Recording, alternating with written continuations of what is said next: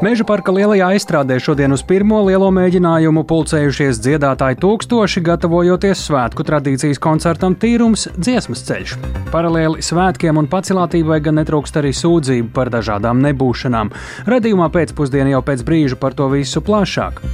Vai Latvijas Nacionālajā operā jāpaliek baleta izrādē Bajadēra? Hinduismu aktīvisti to uzskata par kultūras ziņā neiejūtīgu un aicinājuši no tās atteikties. Radījumā situāciju skaidrosim plašāk un dzirdēsim arī cenzūras pētnieka viedokli.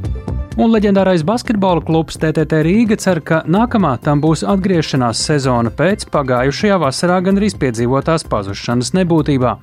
Arī par to plašāk redzējumā pēcpusdiena kopā ar mani Tāli Eipuru.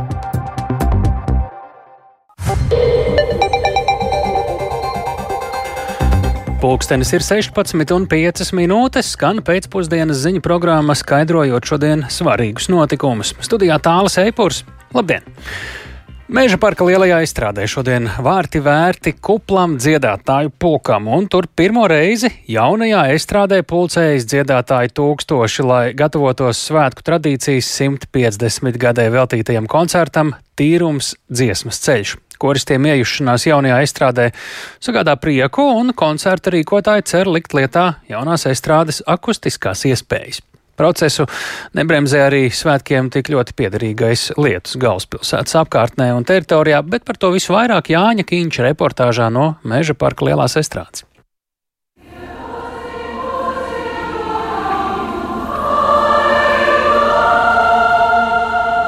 Apritējuši pieci gadi kopš iepriekšējiem dziesmu un dēļu svētkiem, un meža parkā jau kopš pusdeviņiem rītā sākušies mēģinājumi vienam no diviem lielkoncertiem ar koristu piedalīšanos. Tas ir koncerts Tīrums dziesmas ceļš, kas veidots par godu akapela kordziedāšanas un dziesmu svētku tradīcijai. Šāds tieši kormūzikai veltīts koncerts top pirmo reizi. Mēģinājuma procesā dalībnieki iejutušies lieliski un izbauda jauno estrādi. Es teikšu tā, iesvētīti mēs esam, jo lietus mums ir iesvētīti. Tā ir tā labā zīme. Divreiz iesvētīja un pēc tam trešo reizi vēl iesvētīja. Lielā lielumā un visā kopumā ieskandinam un mēģinam saprast, eh, kā atskan un kā mums sadziedāties. Nedaudz ir jāpierod. Mēs esam pašā vidū, pašā centrā. Mēs mēģinam tā pielāgoties. Jāskatās uz diriģentu, jāklausa viņam, ko viņš saka. Ļoti labi patīk. Es biju arī uz iepriekšējiem dziesmu svētkiem un vecajā izstrādē. Un, un pirmo reizi jaunajā. Man liekas, ka labi. Vispār jau es domāju, ka tas ir. Lai arī milzīga nauda, bet tas tomēr ir ļoti, ļoti saprātīgs ieguldījums un, un nu, ļoti labi uztaisīt, uzcelt. Es esmu inženieris pēc izglītības, un man tā iedvež cieņa. Labskanības un skaņu režisoru darbam mēģinājuma procesā cītīgi piepalīdz arī paši koristi.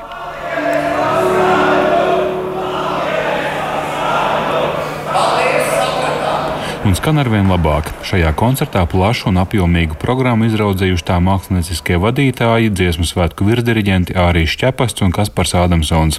Koncertā iespēja robežās iecerēts izmantot jaunās estrādes akustiskās iespējas, klausītājiem piedāvājot īstenu kopkoru skanējumu. Par pirmajām sajūtām klausoties mēģinājumu stāst viens no šī koncerta mākslinieckajiem vadītājiem Kaspars Ādamsons. Tās akapela lietas mēs eh, nu, kopā ar eh, apziņotiem mēģināsim pēc iespējas mazāk palīdzēt un iejaukties.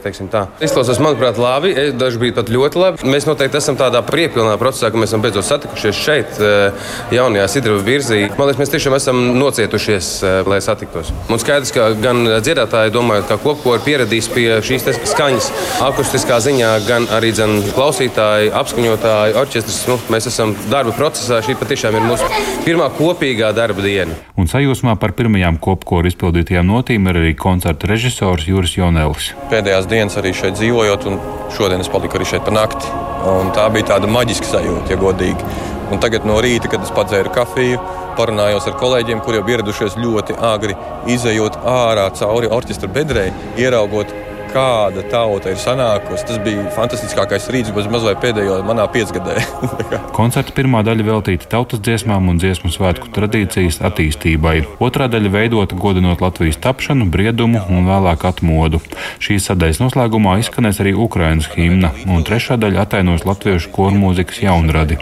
Par Ukrainas himnas iekļaušanu koncertā turpina režisors Juris Jonelis. Kas apliecina to, ka mēs vienmēr būsim caur dziesmu un pārāki par to citu varu, kas valda pasaulē. Laiks rādīs, ka tā tīrībai neviens pretī nevar stāvēt mūsu godīgumam un, un tam dziesmu spēkam. Un, un šīs sadaļas beigās mēs nevis to darām politiski, bet tieši saturiski. Mēs kā Latvija mēģinām pārliecināt un atbalstīt tepat kaimiņus ar tieši to vēsti, ar to domu, ka tā dziesma stāv pāri ka caur dziesmu mēs nekad nemirsim. Koncerts Tīrums dziesmas ceļš notiks ceturtdien, bet ģenerāla mēģinājums ar publiku jau trešdienas vakarā. Jānis Kincis, Latvijas Radio. Tik tālu par to, kā šodien rīt svētku mākslinieciskā puse, bet paralēli svētkiem pacilātībai dziesmu un deju svētku laikā, ņemot vērā notikumu lielo mērogu, netrūkst arī sūdzību par dažādām nebūšanām. Sociālajos tīklos izskan pārmetumi gan par pārtiku, ko drīkst vai nedrīkst ienest svētku dalībnieku mēģinājumos vai koncertos, gan par citiem ierobežojumiem, nērtībām vai pat neiedzībām. Dziesmu un deju svētku komunikācijas vadītāja Inga Vasiljeva uz uh, daudzu jautājumu īsu un ātru pingpongu piekritusi būt tiešraidē. Labdien! Sveiciens. Sāksim ar aktuālo. Nu šobrīd pie mums pienāk ziņas no meža parka, kur ir ēdināšanas laiks. Uh, mūsu pašu kolēģi rindā pēc makaroniem ar gaļu un gurķīti stāvējusi stundu un 40 minūtes. Turklāt viņa uh, darba dēļ viņai jau rinda bija aizņemta, citiem daudz ilgāk šis laiks fotografijā tūkstošiem cilvēku rinda. Kā tas skaidrojams? Tas ir labi un pieņemami. Tātad šodien ir meža parkā pirmā mēģinājuma diena, un tātad laika posmā no 12 līdz 16 ir jāpēdina tuvu 14,000 cilvēku. Ne, protams, ilgā stāvēšana rindās nav pieņemama, bet jāsaka, ka šī ir pirmā diena. Tātad pēc šīs ēdināšanas reizes uh, mums šobrīd uh, notiek arī sapulce, mēs analizējam šo situāciju un noteikti ieviesti risinājumi un uzlabojumi. Kas kliboja? Uh, Šobrīd es vēl nevaru atbildēt, jo noteikti paralēli šī analīze kā reiz tik, tikko ēdināšana ir beigusies. Visi, visi dalībnieki pēdējie ir pāēduši un dodas uz estrādi jau 16.30 atsākas mēģinājums. Tieši šobrīd arī notiek tāda operatīva situācijas analīze. Tas nozīmē, ka rīt varētu būt labāk. Jā. Šeit mēs nonākam pie otrā nebūšana punkta stingriem, stingriem ierobežojumiem uh, ienest uh, dzeramos un ēdamos. Ja to varētu, varbūt rindas arī būtu mazākas. Nu, te ir tie ierobežojumi, ko drīkst, ko nedrīkst ienest svētku teritorijā, sociālajos tīklos var iepazīties ar šiem sarakstiem. Vai te ir plānotas kādas izmaiņas gan skaidrošanā, gan šajā sarakstā, gan skaidrošanā dalībniekiem, gan, piemēram, arī iekšā laidējiem? Kas un vai varētu tikt mainīts? Tas ir svarīgākais jautājums. Jā, tātad vispirms es vēlētos pateikt, ka dalībnieki um, uh, ir apstiprinājuši svētku kārtības noteikumus, kuros ir diezgan skaidri uzrakstīts, kas ir ienesams uh, norišu vietu teritorijās, kas ne, un dalībnieki to ir darījuši jau februārī, kad uzsākās šī reģistrācija dalībai svētkos. Tie nebija viena no tiem noteikumiem ar daudziem maziem burtiņiem kaut kur pašās beigās, nē, kur visi ķeksīši pēc protams, palika. Nē, šī ir ļoti, būt, nē, šī ir ļoti būtiska informācija. Un jāatzīst, ka tie cilvēki, kas ir piedalījušies 18. gadā, 13. 8. gadā un tā tālāk, šie noteikumi par iekšā ienesamajām lietām jau nemainās. Un neviens ierobežojums nav izdomāts nu, kā pašmērķis ierobežot dalībniekus. Nē, viņi ir domāti par tādu kopējo, kopējo veselību, kopējo drošību.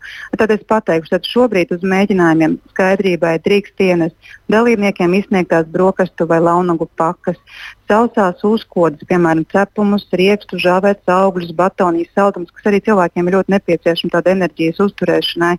Tātad nomazgātas dārzeņus un augļus.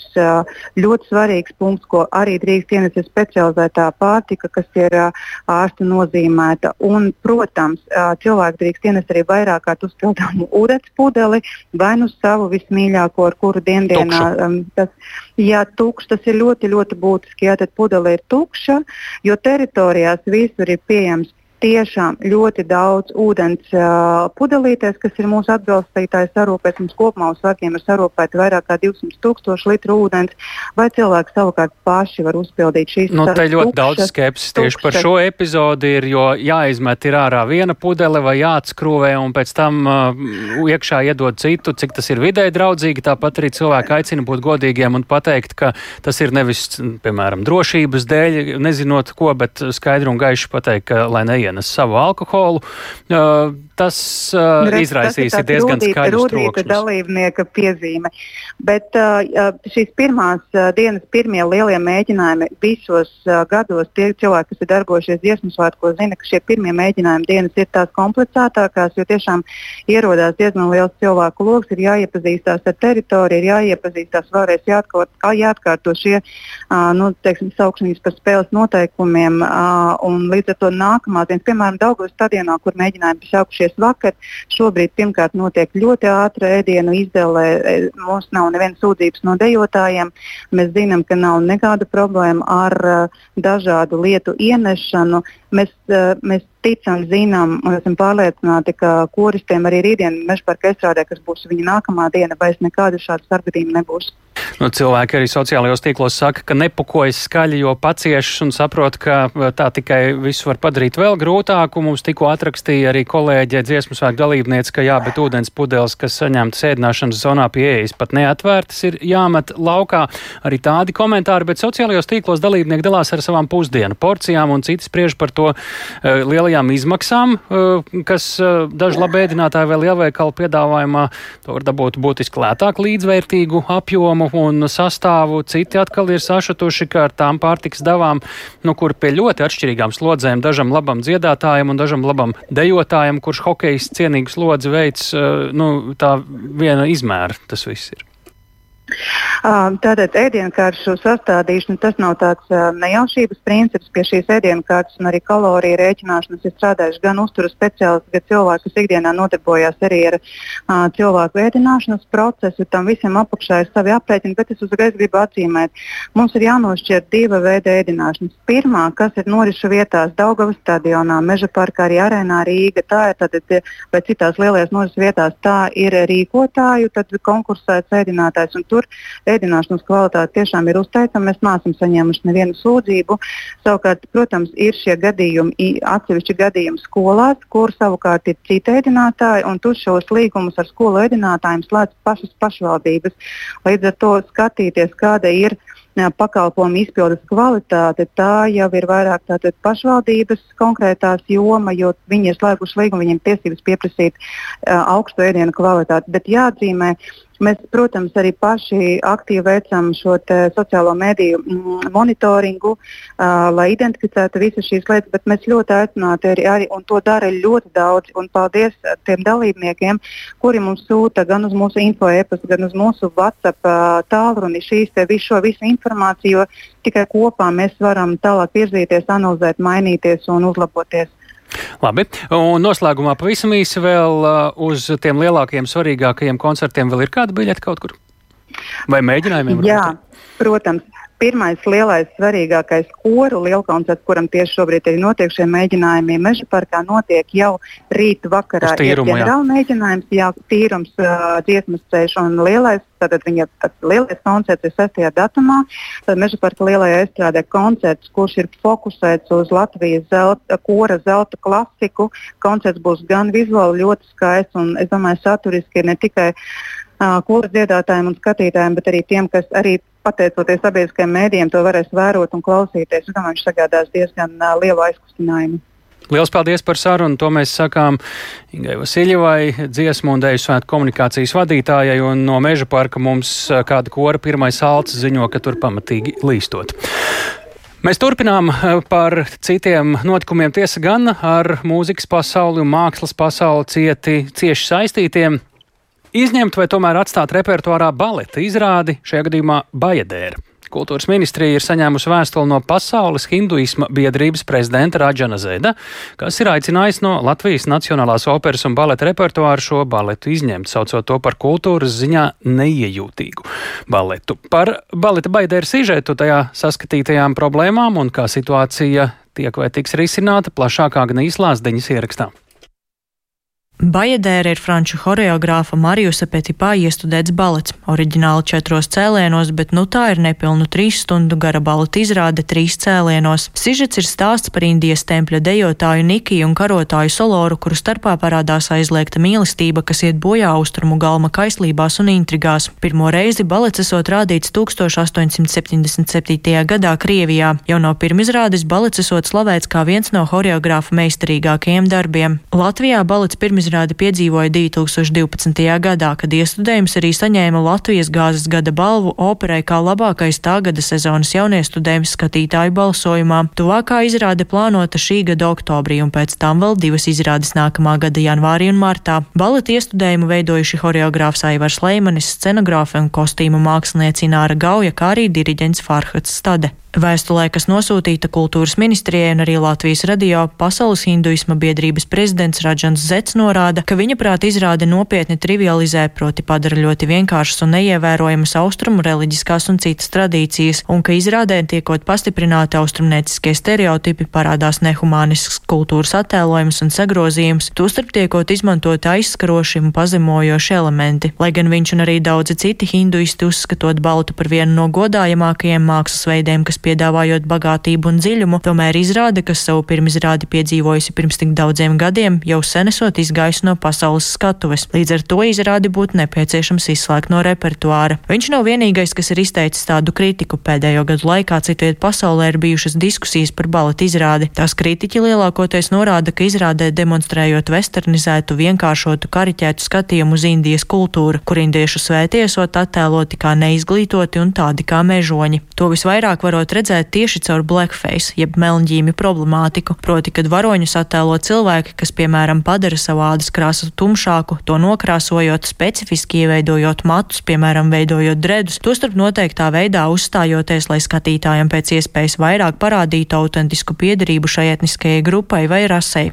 Kultūras ministrijas valsts sekretāras vietnieks kultūra politikas jautājumos Uldis Zariņš uzsver, ka lielākoties šādi gadījumi, kad tiek aicināts izvērtēt kāda mākslas darba atbilstību vai arī to izņemt no apskates, notiek iekšienē. No ārvalstīm ko tādu saņem reti. Viņš gan arī norāda, ka cenzūra Latvijā neeksistē, tāpēc ministrijai nav tiesību iejaukties, taču ministrija ir rēģējusi uz šo gadījumu, jo, ja kāds sabiedrības pārstāvis izsaka bažas vai jautājums par Latvijas kultūras dzīvi, tad viņiem esot to jāizvērtē pēc būtības, bet valstiski iejaukšanās no ministrijas puses šeit nav pieļaujama. Arī attiecībā uz operu. Tā nav ministrija, kas pieņem lēmumus par repertuāru politiku, un līdz ar to mēs esam vērsušies pie Nacionālās operas un baleta, pārsūtījuši šo vēstuli ar lūgumu izvērstēt un, attiecīgi, pieņemt lēmumu par turpmāko rīcību. Skaidrs, ka viedokļi ir dažādi. Mēs zinām, ka attiecīgā organizācija ir vērsusies arī pie citām baleta un operas teātriem, tā skaitā pie Lietuvas un Igaunijas nacionālajiem operas un baleta teātriem. Nevienā no šiem gadījumiem, cik es zinu, šie te opera teātri un attiecīgo valsts kultūras ministrijas nav saskatījušas pamatot iemeslu izņemt šo baletu no repertuāra. Un es domāju, mūsu pozīcija varētu būt līdzīga līdzīga, ka nu,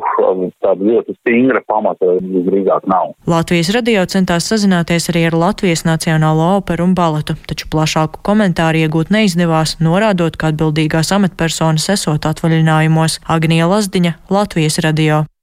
Latvijas radio studijā piekritis klāt būt arī un komentēt eh, komponists, kultūras žurnālists un cenzūras pētnieks arī mūsu kolēģis Edgars Ragīnskis. Sveiks, Edgar!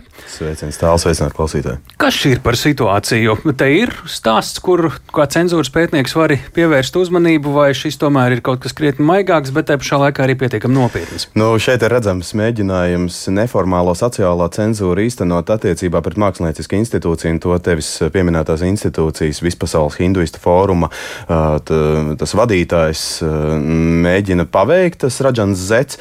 Šī institūcija ir nevalstiska organizācija, kas apvieno ļaudis, nu, it kā veselu miljardu hinduistu visā pasaulē, bet primāri ir bāzēta Amerikas Savienotajās valstīs. Es neesmu, nedomāju, ka ir korekti, ka šis kungs runā visu hinduistu vārdā, bet vienlaikus taisnības labad gan jāpiebilst, ka pats balets ir no mūsdienu skatu punkta, lūkojoties ārkārtīgi vēsturiski neinformēts, jā, arī orientālistiski rasu stereotipiem piesātināts. Tur ir arī atvainojiet nēģeru deja, kuru starp tā citu pats. Tā arī sauc, un mhm, šo nu, grotesko no mūsdienu skatu punktu anahronisko nosaukumu Francijas baletā 16. gadā mēģināja nomainīt par bērnu deju, un tad savukārt labēji orientētā uh, Marija Lepēna, kas ir uh, Francijas tāda odioza politiķa ar Putina saiknēm, starp citu, Jā. izteicās, nu tas jau ir tāds grotesks pseido-politkorektums, nu, kur es viņai nevarētu piekrist. Nu, vienlaikus uh, šajā situācijā jāpiebilst, ka Ludvigs Minkušs šo darbu ir radījis 19. Gadsimtā. Viņš pats ir austriešu izcelsmes, uh, kļuvis par uh, migrantu uz carisko Krieviju, tur sadarbojas ar Marijusu Petipā, kurš ir choreogrāfijas autors. Un, tobrīd nu, cilvēki vienkārši dzīvoja citā kontekstā. Tas nav attaisnojums mūsdienu laikmatā, bet izskaidrojums tas gan ir. Un, ja mēs palūkojamies uz pasauli, tad galīgi nevar teikt, ka Bajadēra būtu izņemta no pasaules repertuāra. Es lūkoju uh, Ballet Herald tīmekļa resursā un saskaitīju 11 vietas, kur šajā sezonā un nākamajā sezonā balets tiks izrādīts no mm -hmm. Japānas līdz Amerikas Savienotajām valstīm, no Itālijas līdz Vācijai. Uh, bet vienlaikus jāpiebilst arī to, ka es uh, skatījos uh, to viedokļu rakstu, ko Dāns LV baleta redaktore bija veikusi. Es atļaušos pateikt arī viņas vārdu, Laura Jasmane. Un, jā, viņa teica, ka, šajā, ka tā situācija tiešām ir problemātiska, tā nav melnbalta. Viņa citēja arī vienu brītu laikmatīgo choreogrāfu, kas ir ar indiešu izcelsmi. Viņa savukārt teica, ka šī, nu, es, es citēšu, šī Šobana Džeja Sinha saka, ka Bajadēras orientālisms reprezentē absolūti neprecīzu jucekli, kur apvienots jebkas aptuveni uz austrumiem no Venēcijas. Nu, tur tas tieši arī ir. Es nedomāju, ka tas ir absolūti ļaunuprātu, bet vienlaikus arī atcerēsimies, ka 19. gadsimtā valdošā doma bija tāda, ka baltais cilvēks, nu, vismaz zināmā mm. sabiedrības daļā, ir pārāk. Ko darīt? Citiem. Ielikt programmā skaidrojumu vēsturiskajam kontekstam baleta rašanās laikā un uh, izbaudīt choreogrāfiju, vai kas tad varētu būt tas risinājums, kur visi, visi vilki pēduši un kas dzīves? Nu, es domāju, ka kaut kāda veida paskaidrojošs materiāls noteikti ir nepieciešams kaut vai tādēļ, lai uh, balets, uh, Latvijas Nacionālā opera un balets signalizētu, ka viņi ir par šo tēmu domājuši un ka viņiem nešķiet, ka rasu stereotipu tiražēšana ir kaut kādā veidā pozitīva parādība, bet vienlaikus Marijus Petipā choreogrāfija, ko šeit pie mums interpretējas Aivars Leimanis, ir augstvērtīga un tā ļauj parādīt mūsu baleta mākslinieku spilgtās izpausmes formas, un no tā atteikties pilnībā nevajadzētu. Un Francijā, piemēram, kur Rudolfa Nurējeva balets 1992. gadā pirmoreiz uzvests, un uh, tas bija viens arī uh, austrum izcelsmes, austrum Eiropas izcelsmes leģendārs baleta mākslinieks, un to vēl ar vienu uzved, to vēl ar vienu rāda, un uh, Francija, kā zināms, rasu, nu, jā, īpaši pašlaik uh, Francijas nemiera sakarā, tā ir daudz karstāka zona. Ja kāds kategoriski tagad teiks, ka aizliegt, es teikšu, nu, ziniet, nu, tas tad ir mēģinājums tādā īstenī. Kaut ko pamainīt, piemēram, šajā visu. izrādē? Jā, vai pamainīt. Nu, nu, nu, redzi, nosaukumu pamainīt, man tas nerada problēmas. Vienlaikus pamainīt kaut ko radikālāku. Bet, kam rāda da, autoriem, māksliniekiem ļoti lielas mm. un pamatot jā, jā, tieši tā, tieši tā. Tālāk, nu, te man gribētos piete, pateikt arī to anahronisko vārdu ebrejas lietu versiju, kur es tagad ēterā neminēšu, bet kuru daudz uzskata par mūsu kultūra vēstures neatņemamu sastāvdaļu, bet vienlaikus arī šī vārda lietošana parāda to antisemītismu, kas valdīja Krievijas impērijā un kas valdīja arī nu, Latvijas teritorijā, jo tā bija Krievijas mm. impērijas sastāvdaļa. Varbūt arī kādi piemēri, kas nāk prātā līdz šim, it kā kā tādas atzītas vērtības mākslā, kultūrā, kuri aiziet tomēr pagātnē līdzīgu vai radniecīgu iemeslu dēļ, lai arī pirms gadu desmitiem vai dažiem gadiem vai simtiem ir bijušas vispār atzītas vērtības. Nu, piemēram, man nāk prātā Klauda Debisī, franču impresionismu laikmeta komponists klavieru miniatūrā Mazais Nēģerēns, kuru tagad šādā vārdā vairs īsti nedēvē.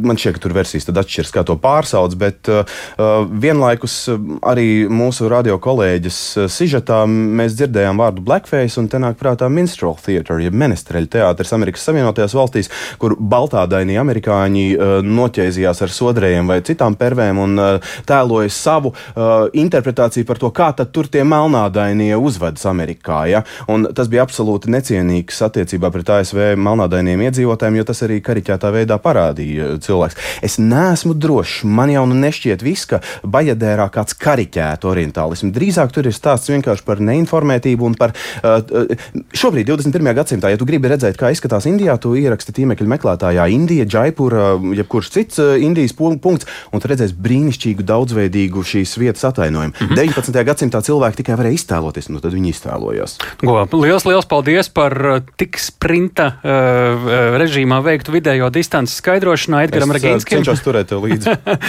Komponistam, kultūras žurnālistam, cenzūras pētniekam. Nu, šoreiz mēs gaidām soļus droši vien no Nacionālās operas un baleta. Lai viņi vismaz komentē, ko viņi šobrīd nav izdarījuši, vai arī skatāmies, kā viņi reaģēs praksē ie, ie, ie, kaut kādā veidā ievākojot šo mākslas darbu.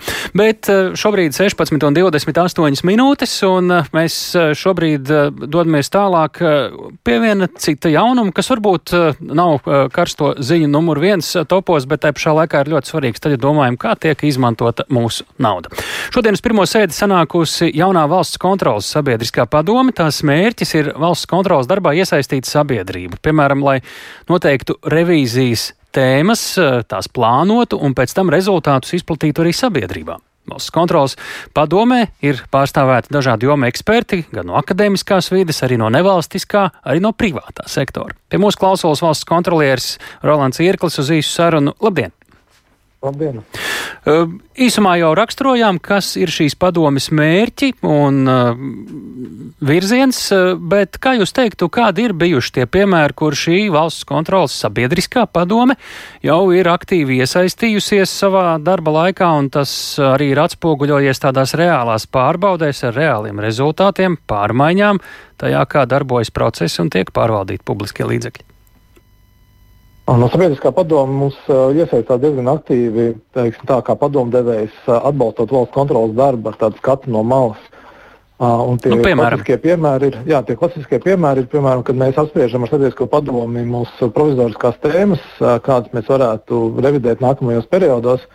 Nu, tad sabiedriskā padoma mums dod savus ieteikumus, vai teiksim, kādu papildus fokusu paņemt konkrētā tēmā. Uh, Nu, piemēram, pieaugušu izglītības jomā, ja, ja mēs iesaistām uzņēmēju pārstāvis, nu, tad viņi diezgan labi zina, piemēram, ar kādām grūtībām viņi saskarās attiecībā uz darba tirgu, kādas zināšanas pietrūkst darbiniekiem un kā teiksim, šī valsts realizē šīs pieaugušu izglītības programmas. Un tad, teiksim, darba devēja pārstāvi, uzņēmējdarbības pārstāvi, kas pārstāvēt arī mūsu sabiedriskā padomē, var nākt ar ieteikumiem, kur rūpīgāk paskatīties, kas ir tie izaicinājumi, ar kuriem viņi saskarās, un tādā veidā palīdzēt mums nofokusēt šo te, uh, revīzijas tēmu. Uh, tāpat arī sabiedriskās padomus locekļi mums uh, palīdz kā eksperti dažkārt, vai arī viņi palīdz mums atrast ekspertus. Jo nevienmēr pašai valsts kontrolē pietiek uh, padziļināt ekspertīzi kaut kādā specifiskā jomā vai jautājumā. Un tad vai nu paši sabiedriskās padomus locekļi mums var palīdzēt ar šo ekspertīzi, ņemot vērā, ka viņi pārstāv ļoti daudz un dažādas jomas. Uh, vai arī viņi zina, kur ieteikt vai kur lūkoties pēc šiem ekspertiem, kas tālāk var palīdzēt valsts kontrolē šo revīziju veikt. Un arī kāds piemērs ar to, kur tiešām pēc šāda veida sadarbības ar šo sabiedrisko valsts kontrolas padomi ir izdevies kādus procesus optimizēt un gādāt par to, lai līdzekļi tiktu izmantot liederīgāk?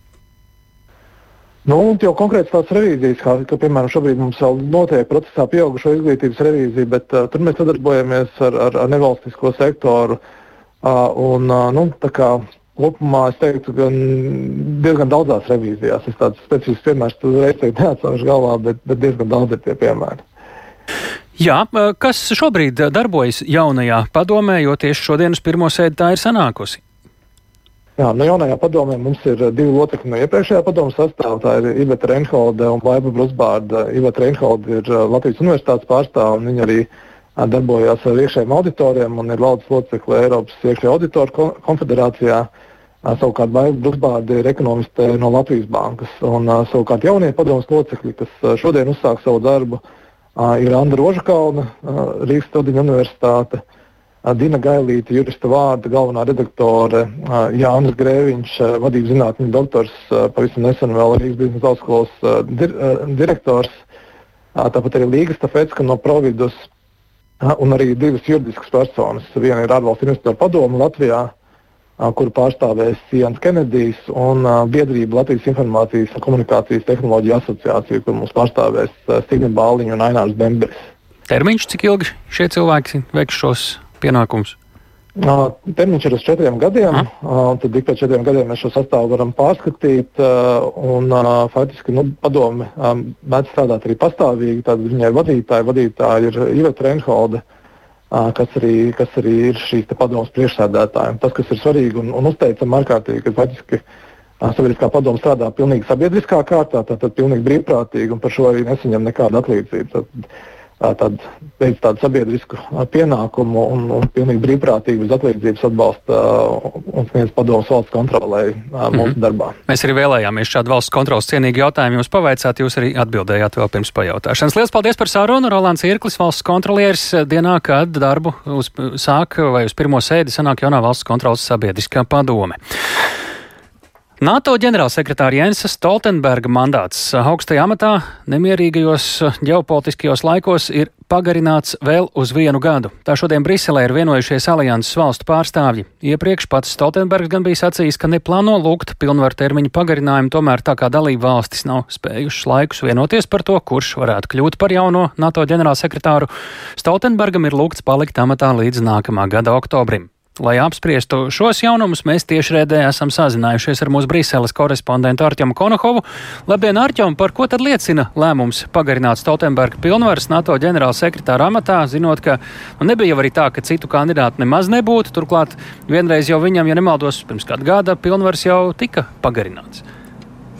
Labdien, tālu, labdien, klausītāji! Es teiktu, ka tas liecina par vairākām lietām. Mums Stoltenberga termiņš tika pagarināts vairāk kārt. Tik ilgi parasti cilvēki nemēdz būt NATO ģenerāla sekretāra amatā, bet šeit ir bijuši vairāki iemesli. Gan karš Ukrainā, gan arī iepriekš attiecības ar ASV Donaldu Trumpu, toreizējo prezidentu. Stoltenbergam ir bijušas pietiekami labas, un arī, dzen, protams, šobrīd jautājums ir bijis diezgan aktīvs, un par to tiešām mēnešiem ir spriests, kurš varētu kļūt par NATO nākamo NATO ģenerālsekretāru, bet alianse ir kļuvusi liela. Tajā šobrīd ir 31, drīzumā pēc Zviedrijas pievienošanās būs jau 32 valstis. Un skatījums uz to, kurš varētu būt labs vadītājs, tiešām atšķiras. Un jāsaka, ka NATO nav tādas skaidras. Um, schēmas, kā tiek izvēlēts nākamais vadītājs. Tas ir, tam ir jābūt vienbalsīgam lēmumam, bet uh, nav nekādas, nekādas vietas, kur kāds varētu izvirzīt savu kandidatūru, pieteikties vai kā tam līdzīgi. Tas viss notiek aizkulisēs, kulāros, tādās neformālās sarunās un tādā diezgan neskaidrā procesā. Un tāpēc arī uh, tie kandidāti, kas ir izskanējuši, viņi daļēji ir izteikušies, ka viņi gribētu, citi ir pilnībā nolieguši, ka viņi būtu gribējuši, bet ir skaidrs, ka tomēr nu, cīņa šoreiz ir bijusi. Un ir bijis gan Lielbritānijas aizsardzības ministrs, kā viens no kandidātiem, gan arī Dānijas valdības vadītāja Mete Fredriksena. Līdz pat pēdējiem brīdim šķita, ka tieši Fredriksenai ir vislielākās izredzes, jo viņa atbilst vairākiem kritērijiem, ko ASV Baltais nams neformāli ir izvirzījis. Proti, viņa ir sieviete, viņa ir no Eiropas un viņa ir valdības vadītāja. Bet tur ir bijuši vairāki iebildumi, kas, par kuriem arī ir neformāli nav zināms, it sevišķi no Polijas valdības, kas ir izteikusies, ka viņi nesaredz geogrāfisko līdzsvaru, ka nevajadzētu, ka par NATO ģenerālsekretāru atkal kļūst kāds no Ziemeļa Eiropas, jo tādi jau ir vairāki bijuši. Un, protams, arī dzen, Turcijas nostāja joprojām arī ir diezgan neskaidra. Viņa arī spēlē savu spēli, kas arī daudziem līdz galam nav skaidra. Un tāpēc arī nebija iespējas vienoties par vienu veiksmīgu kandidātu. Tur Turklāt joprojām turpinās karš, un līdz ar to arī Stoltenbergs bija ar mieru palikt, un tas arī bija neformāli zināms, kaut arī viņš teica, ka viņš negrib, tomēr neformāli bija skaidrs, ka viņš ir gatavs palikt, tad arī tomēr vienojās par šo kā par kompromisu risinājumu. Nu, klausoties šo, eh, rodas bažas, vai arī nākamgad izdosies par kaut ko vienoties, jo laiki mainīgi, viedokļi arvien atšķirīgāki un eh, dalību valstu skaits, kā teica Arčom, arī ir pietiekami liels. Bet nu, vai šis viss nozīmē to, ka cīņa par šo amatu tiek pārcelta uz nākamo gadu, kad eh, NATO samits gaidāms Vašingtonā, vai var būt jau iezīmējas arī kādi kandidāti? Jā, tik tiešām tas nozīmē, ka šīs diskusijas tiek lielā mērā pārceltas uz nākamā gada sākumu, kad Vašingtonā notiks NATO jubilejas samits. Tas no vienas puses atvieglo, no otras puses sarežģīja šo diskusiju, jo tad laiks tuvosies arī ASV prezidenta vēlēšanām, kas noteikti padarīs situāciju arī tādu politiski nokaitētāku. Un arī šeit Briselē notiks lielā amata dalīšana, jo uz to brīdi jau būs notikušas Eiropas parlamenta vēlēšanas vēlēšanas, un arī tiks veidota jaunā Eiropas komisija. Un, kā zināms, kulāros ir izskanējis arī Ursulas Fonderlejenas vārds pašreizējais Eiropas komisijas priekšsēdētājs. Viņa nav izteikusies, ka viņa nebūtu gatava, bet nu, viņa tā kā savas kārtas tur pietiekami tuvu un tās citiem neatklāja. Tāpēc mēs varētu gaidīt, ka pieņemsim tāds būtu, tā būtu, būtu mans pareģojums, ka gadījumā, ja Fonderlejena tomēr jūt, ka viņa nevar savu nodrošināt otro termiņu Eiropas komisijas priekšsēdētājas amatā, viņa varētu mēģināt eh, kļūt par NATO ģenerālsekretāru. Un, ja mēs šādas raugāmies, tad eh, tiešām eh, lēmumu pieņemšana par nākamo vadību gan šeit Briselē, Eiropas Savienības iestādēs, gan NATO, tas varētu būt pietiekami garš un pietiekami sarežģīts lēmums. Jā. Pirms iepriekšējā reizē tā bija, tā bija nedēļa, kad līderi sēdēja telpās, nu tad tagad varbūt būs pat vēl, vēl, vēl, vēl ilgāk. Un vēl pavisam īsi e, jautājums par Stoltenberga nomaiņu. Nākamā nedēļa gaidāmajā Viļņas NATO samitā tātad šobrīd vairs nav aktuāls. Nu, tad tur ir citi jautājumi, par kuriem vienoties, kā izskatās, ir vēl grūtāk e, par Zviedrijas dalību blokā. Joprojām tiek spriests. Te ir kādi jaunumi šajā ziņā? Jā, tik tiešām šodien ir Turcijas ārlietu ministrs Hakans Fidans ir izteicies par šo, un viņš ir bijis visnotaļ, visnotaļ skeptisks par Zviedrijas izredzēm. Paklausīsimies. İsveç'in NATO'ya üyeliğinin tartışıldığı günlerde Laikā, kad tiek apspriesta Zviedrijas dalība NATO, raugoties no strateģiskā un drošības skatu punkta, ir satraucoši, ka Zviedrijas drošības sistēma nespēja pietiekami veiksmīgi novērst provokācijas. Tas rada iespaidu, ka šī valsts nevis stiprinās NATO, bet gan radīs jaunas problēmas. Jautājums par to, vai Zviedrijas dalība NATO dos pozitīvu vai negatīvu pienesumu, tagad ir atvērts vairāk nekā jebkad agrāk. Getireceği Tā kā ir skaidrs, ka Viļņas samitā Zviedrija netiks uzņemta par alianses dalību valsti, jāraugās, kad tas vēlāk varētu notikt. Paldies! Sakām Arķimam Konokovam tiešraidē no Briseles runājot par aktuālāko tuvojoties NATO samitam Viļņā, bet uh, tuvojas ne tikai lieli ģeopolitiski notikumi, tuvojas arī sporta sezonu sākumi un beigas. Basketbola kluba TTT Rīga budžets nākamajā sezonā varētu būt tuvu miljonam eiro. Komandā atgriezīsies Latvijas izlases spēlētājs, kā arī tiks strādāts ar mērķi ilgtermiņā attīstīt jaunās basketbolistas. Tā šodien medijiem sacīja vienības pārstāvji. Rīktētētai zīmolam nākamā iecerētā uh, sezona iecerēta kā atgriešanās sezona pēc pagājušajā vasarā gandrīz vai piedzīvotās pazušanas uh, nebūtībā. Lai vairāk runātu par pašmāju dāmu basketbola lielu kluba plāniem, tieši redzē mums pievienojas kolēģis Mārtiņš Kļavinieks. Sveiks, Mārtiņ! Sveiks, tālu, sveicināt arī Latvijas radio klausītāju. Kas tad īsumā tā bija par bedri, kurā klubs bija un kas ļauj šim klubam šodien runāt arī par ar tādu krietni paceltāku galvu? Jā, nu neiedziļinoties tādās pavisam sīkās detaļās, eh, bet pastāstot galveno, tad nu, skaidrs, ka TTT klubs vispār šis zīmols Rīgas TTT ir viens no titulētākajiem vispār basketbola pasaulē Eiropā mm, starp dāmām un kungiem.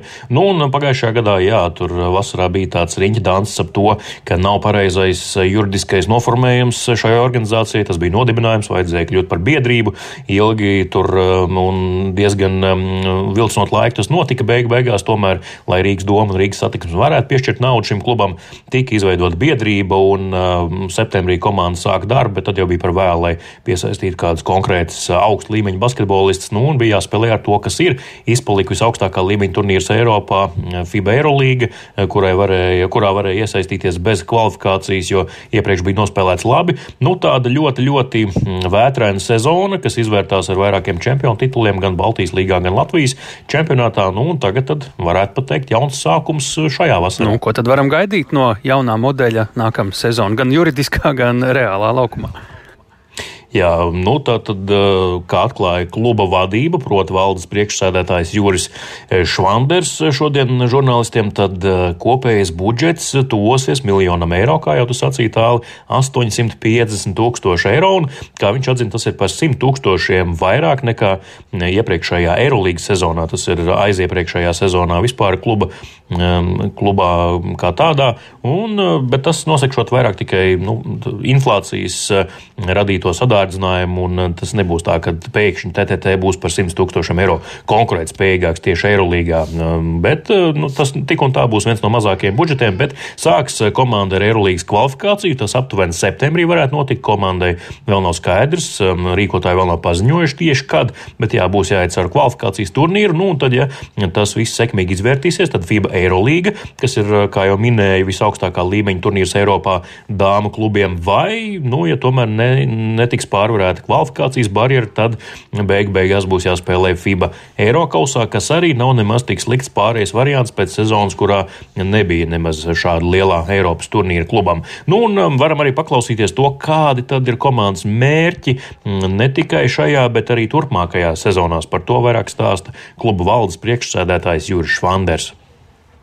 Mūsu mērķi šajā sezonā ir atgriezties un nostiprināties Eirolandā. Septembrī mēs nezinām precīzi datumus, bet mums būs septembrī pārspēles par iekļūšanu Eirolandā. Mūsu mērķis ir iekļūt tur un nostiprināties. Mums ir arī trīs gadu mērķis. Mēs gribam ilgtermiņa redzējumu. Un trīs gadu mērķis ir atgriezties play-off zonā. Mēs esam gatavi šādu ceļu ejot, ar šādiem panākumiem ejot, arī pēc trim gadiem arī sākt runāt par medaļām. Bet tas, lai paliek, tā ir vīzija. Lai šo sasniegtu, vajag sistēmisku pieeju.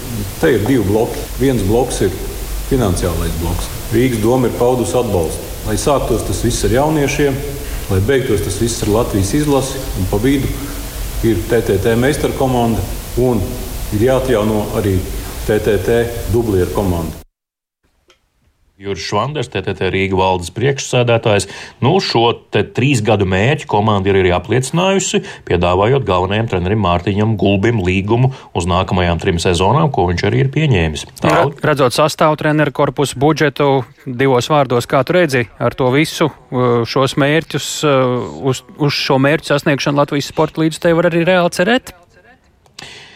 Grūti spriest pagaidām, jo treneru korpusā ir tikai Mārtiņš Gulbis. Viņš pats arī šodien īsti nevarēja atbildēt, eh, kas būs viņa palīgi. Um, acīm redzot, eh, notiek vēl pārunas. Tāpat arī ar komandu. Komandai šobrīd ar līgumiem ir pieci spēlētāji. Viena viesu spēlētāja no Amerikas, viena no Lietuvas un trīs Latvietas - Vanessa Jasa, Luīza Sila un arī Ieva Pulvera atgriezusies no Turcijas pieredzējusi Latvijas izlases um, aizsardze. Līdz ar to jāskatās, kāds izveidosies komandas sastāvs, bet eh, tas būs, jā, nu kā jau katru gadu TT TTT, kad ir spēlējusi, Eirolandā ir pierādījusi, ka nu, ier, ierasti TTT ir vismazākais budžets no visām Eirolandas pamatturnīru komandām, un eh, pareizi saliekot akcentus ar Latvijas izlases spēlētājiem un leģionāriem, var panākt efektu, kad eh, komanda pārsteidz un iekļūst izslēgšanas cīņās un var arī tālu tikt. Nu, galvenais ir jā, jābūt pareiziem taktiskajiem risinājumiem no treneru korpusa un lielai gribēšanai no spēlētāja puses. Tad jau tas var viss izdoties. Paldies Mārtiņam Kļaviniekam! Tik tālu par basketbola klubu TTT situāciju. Mēs sakām paldies, ka klausījāties raidījumu pēcpusdienā. Ja visu nedzirdējāt vai gribat klausīties sev vērtā laikā, ķeriet Latvijas radio mobilo lietotni vai citas raidierakstu platformas. Tur tas ir iespējams jau pavisam pēc dažām minūtēm, bet eh, šo raidījumu veidoja Tāls Eipūrs, Ilza Aginta, arī Renārs Šteimans un Toms Šupeiko. Raidījums pēcpusdienā arī rīt pēc ziņām 4 un 5 pēcpusdienā.